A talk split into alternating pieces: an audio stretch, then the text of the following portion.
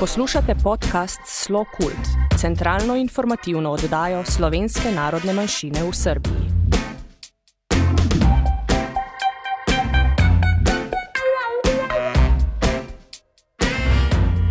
Dobar dan, dragi slušalci. Slušate drugu emisiju Slo Kult podcasta. Slo Kult podcast je zamišljen kao centralna informativna emisija namenjena članovima slovenačke zajednice u Srbiji, slovencima po svetu i u Matici, kao i svim zainteresovanim za slovenačku kulturu i savremeno stvaralaštvo slovenačke zajednice u Srbiji.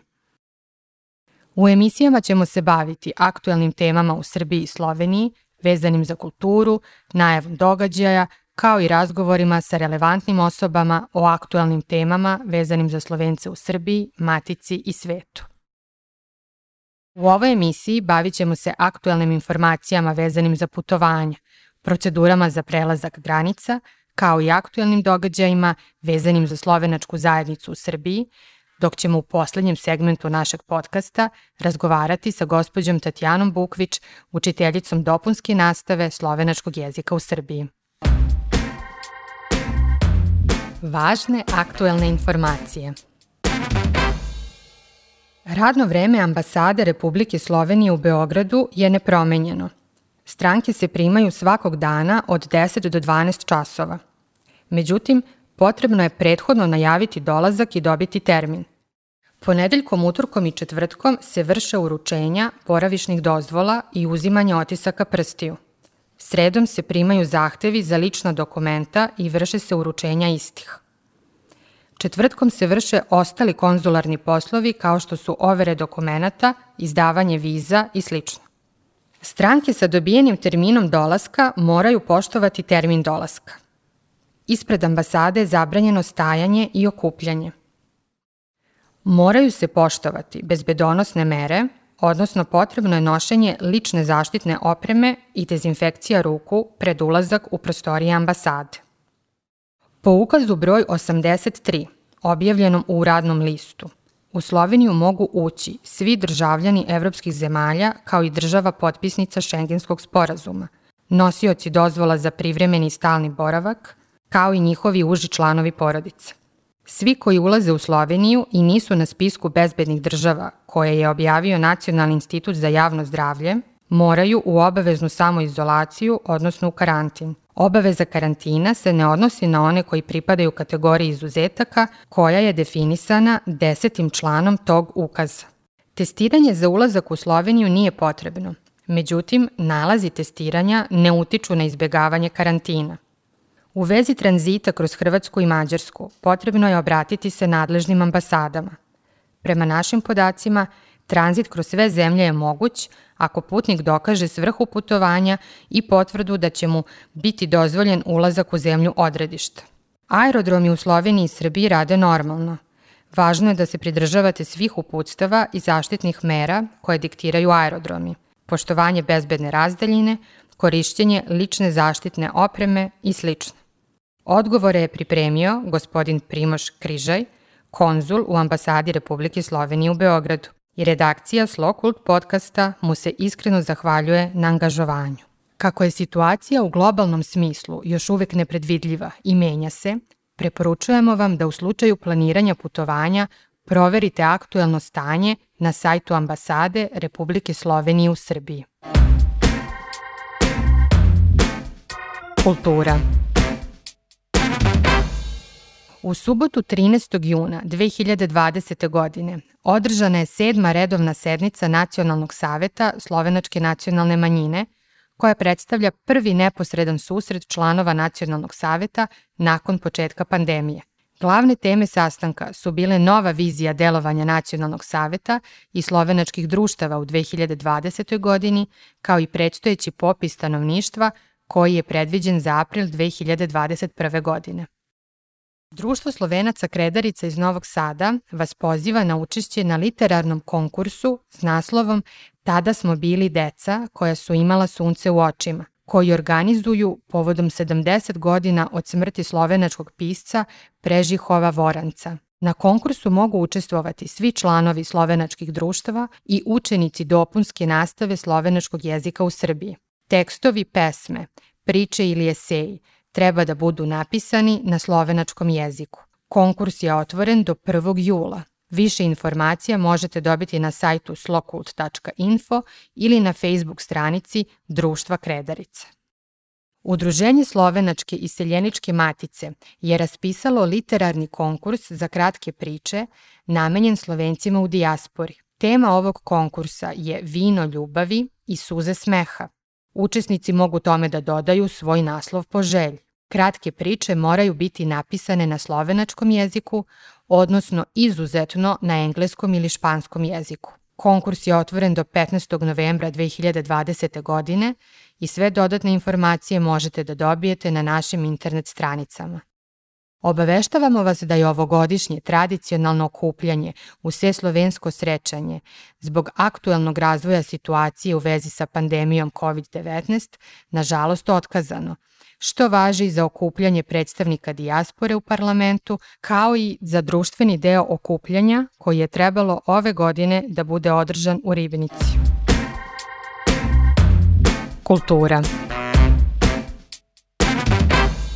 Gošća naše druge emisije je učiteljica dopunske nastave slovenačkog jezika Tatjana Bukvić. Naša draga Tatjana predaje već skoro 10 godina u Društvu Slovenaca u Beogradu, kao i u još dva grada, Kostolcu i Nišu, slovenački jezik i kulturu, deci i odraslim članovima slovenačkih društava u pomenutim gradovima u Srbiji. Sa njom razgovara Tanja Tomazin. Intervju ćete slušati na slovenačkom jeziku. Gostja naše druge oddaje je učiteljica slovenskega jezika v Društvu Slovencev v Beogradu, Društvu Sava, gospa Tatjana Bukvič. Naša ljuba Tatjana je že skoraj deset let učiteljica dopolnilnega pouka slovenščine v Beogradu, pa tudi v Smederovu, Kostolcu in Nišu, kjer poučuje slovenski jezik in kulturo za otroke in odrasle člane slovenskih društev. Ko je bilo v marcu uvedeno izredno stanje v Srbiji, Kje si bila v tem času? Pred razglasitvijo pandemije koronavirusa sem bila v Srbiji, na svojem delovnem mestu, v Beogradu. Eh, redno sem spremljala poročila o tem, kaj se dogaja v Sloveniji in seveda v Srbiji. Eh, čeprav je bila v Beogradu situacija takrat mirnejša, eh, obolelih je bilo še malo, sem bila seveda v velikih skrbeh. Od doma so prihajala resna opozorila, o nevarnosti okužbe. Domači in vsi prijatelji so me klicali in mi svetovali, naj se vrnem domov. Ker pa sem čutila veliko obvezo do učencev, sem tako ostala v Beogradu do 16. marca, ko so uradno objavili, da se zapirajo šole in meje, takrat pa sem odpotovala. Kakšna je bila situacija v Sloveniji, glede na to, da si čas pandemije preživela v Ljubljani? Slovenija je v času mojega prihoda že uveljavila stroga pravila, kako se samo zaščitno obnašati, da bi se prenašanje, šir, eh, da bi se prenašanje eh, virusa omejilo. Tako sem na lasno željo ostala doma kar cele tri tedne in v tem času se nisem družila z nikomer, le redko sem šla v trgovino. Um, veljalo je pravilo, da se v zaprtih prostorih obvezno nosijo maske za obraz in pa druženje z ljudmi, uh, več ljudi hkrati na javnem mestu ni bilo dovoljeno. Tako nekako so živeli tudi drugi slovenci. Večina je ostala doma uh, in opravljala delo od doma ceste in ulice so bile prazne, eh, živeli smo ob zvokih narave, poslušali petje ptic in v nekem blagodejnem miru in tišini. Življenje se je nekako vsaj na vzven ustavilo in lahko smo se posvetili sebi, tisti, ki so živeli z družino, pa tudi svojim dragim. Do konca maja je vlada potem ta stroga um, pravila malo omilila.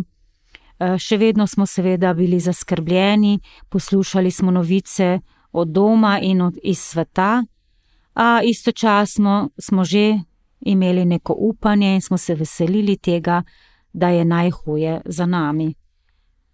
Počasi smo se potem začeli vračati v normalo, odprle so se meje, in tudi sama sem se napotila proti Srbiji, tako da sem se v začetku junija vrnila v Beograd. Učitelji slovenščine ste se hitro odzvali in organizirali učenje jezika nadaljavo. Kako je to izgledalo? Je bilo težko? Kdo vse je pri tem sodeloval? Um, po zgledu kolegov iz rednih šol uh, smo se tudi učitelji slovenščine po Evropi odločili za pouk nadaljavo. Med seboj smo si pomagali, izmenjali smo si izkušnje, gradiva, si svetovali, a v Srbiji se je pouka nadaljavo uh, najprej lotila učiteljica Milena Spremo. Njenemu zgledu smo potem sledili še ostali, skupaj smo se povezali Rud Zlobec, Zoran Jovičič in jaz. In uh, po manjših začetnih tehničnih težavah smo uh, na spletnih straneh pod naslovom Pouk Srbija začeli objavljati delo za samostojno učenje. O tem sva, smo obvestili učence, in um, odziv je bil že na začetku kar velik. Eh, učenci so lahko izbirali naloge za utrjevanje slovnice, lahko so brali slovenske književnike, našli kakšen predlog za ogled filma, risanke, eh, lahko so si ogledali virtualni prikaz muzejev po Sloveniji, reševali križanke in še mnogo drugih vsebin. Učitelji smo se trudili, da je lahko vsak našel kaj zase. Eh, primernega svojemu znanju, te, temu, kar ga zanima. Eh, trudili smo se, da so bile naloge zabavne in aktualne, eh, učitelji pa smo jih pri tem spodbujali, vračali jim naloge s popravki, jih motivirali za delo za naprej, jih pohvalili, tako da smo bili v rednem kontaktu. Se je odzvalo veliko učencev, ste bili učitelji zadovoljni? Ja, odziv je bil pričakovan. Uh, v delo se niso vključili vsi, kar je seveda čisto razumljivo. Uh, ljudje so imeli tudi svoje delo, uh, vsi smo bili malo pod stresom, a še vedno je bilo reševalcev nalog dovolj, da lahko zdaj na koncu rečemo, da smo bili uspešni. Mi smo zadovoljni. Jaz sama sem bila najbolj vesela mladih in otrok. Najmlajši so reševali bolj enostavne naloge ali so kaj narisali, lahko so se tudi naučili pesmico. Tisti, ki so se redno oglašali, so javljali, da so jim naloge všeč, da radi rešujejo, da niso pretežke, so pa seveda brez izjeme vsi na koncu tudi dodali, da pogrešajo naše druženje, naš ta osebni stik, ki ga imamo, kadar smo skupaj v učilnici. Kako pa si ti osebno doživela ta način poučevanja, prednosti, slabosti? Uh, ja, prednosti vidim dve. Najprej mogoče pač to dejstvo, da je bil to edini način, kako se povezati z učenci in hkrati, seveda, uh, nadaljevati z učenjem. Uh, druga pa ta, da so si učenci lahko iz velikega nabora nalog sami izbrali tisto, kar jim odgovarja. Eh, in tudi reševali v času in, in takrat, in toliko časa, kot je njim odgovarjalo. To je gotovo prednost. Velika slabost pa je v pomankanju tega osebnega stika, na katerega so upozarjali že učenci, ko so se javljali eh, preko spleta.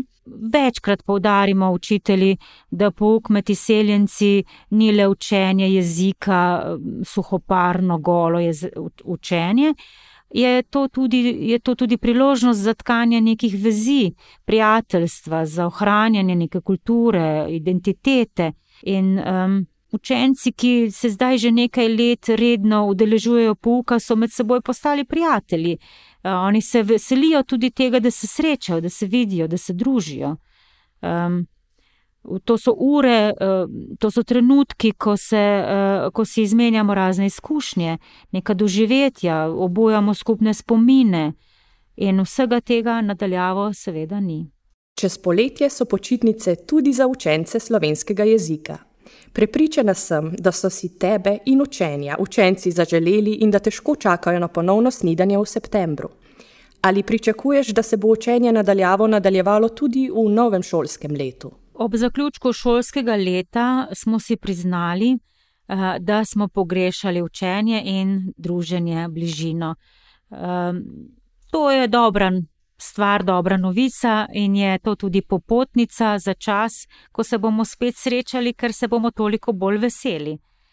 Od septembra dalje bo tekel puk, tako kot smo že navajeni, po starih tirih in v živo. E, tako smo navajeni in tak način učenja smo pogrešali. E, čeprav so opozorila o še prisotni nevarnosti okužbe z virusom, in ta opozorila so kar glasna, stalna, sem sama optimistka.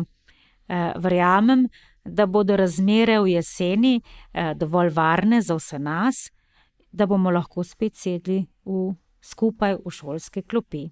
Draga Tatjana, hvala ti za ta intervju, da si bila danes med nami. Hvala za tvoj optimizem. Veseli smo, da si tudi naša, da si z nami in nas vidijo v septembru. Hvala lepa. Ovim zaključujemo današnju emisiju. Naš podcast možete pratiti na svim relevantnim platformama kao i na sajtu www.slokult.info. Sa vama je bila Ivana Mandić, tehnička realizacija Dino Dolničar, redakcija Slokult podcasta, Tanja Tomazin, Ivana Mandić, Saša Verbić i Dino Dolničar. Hvala što ste bili sa nama.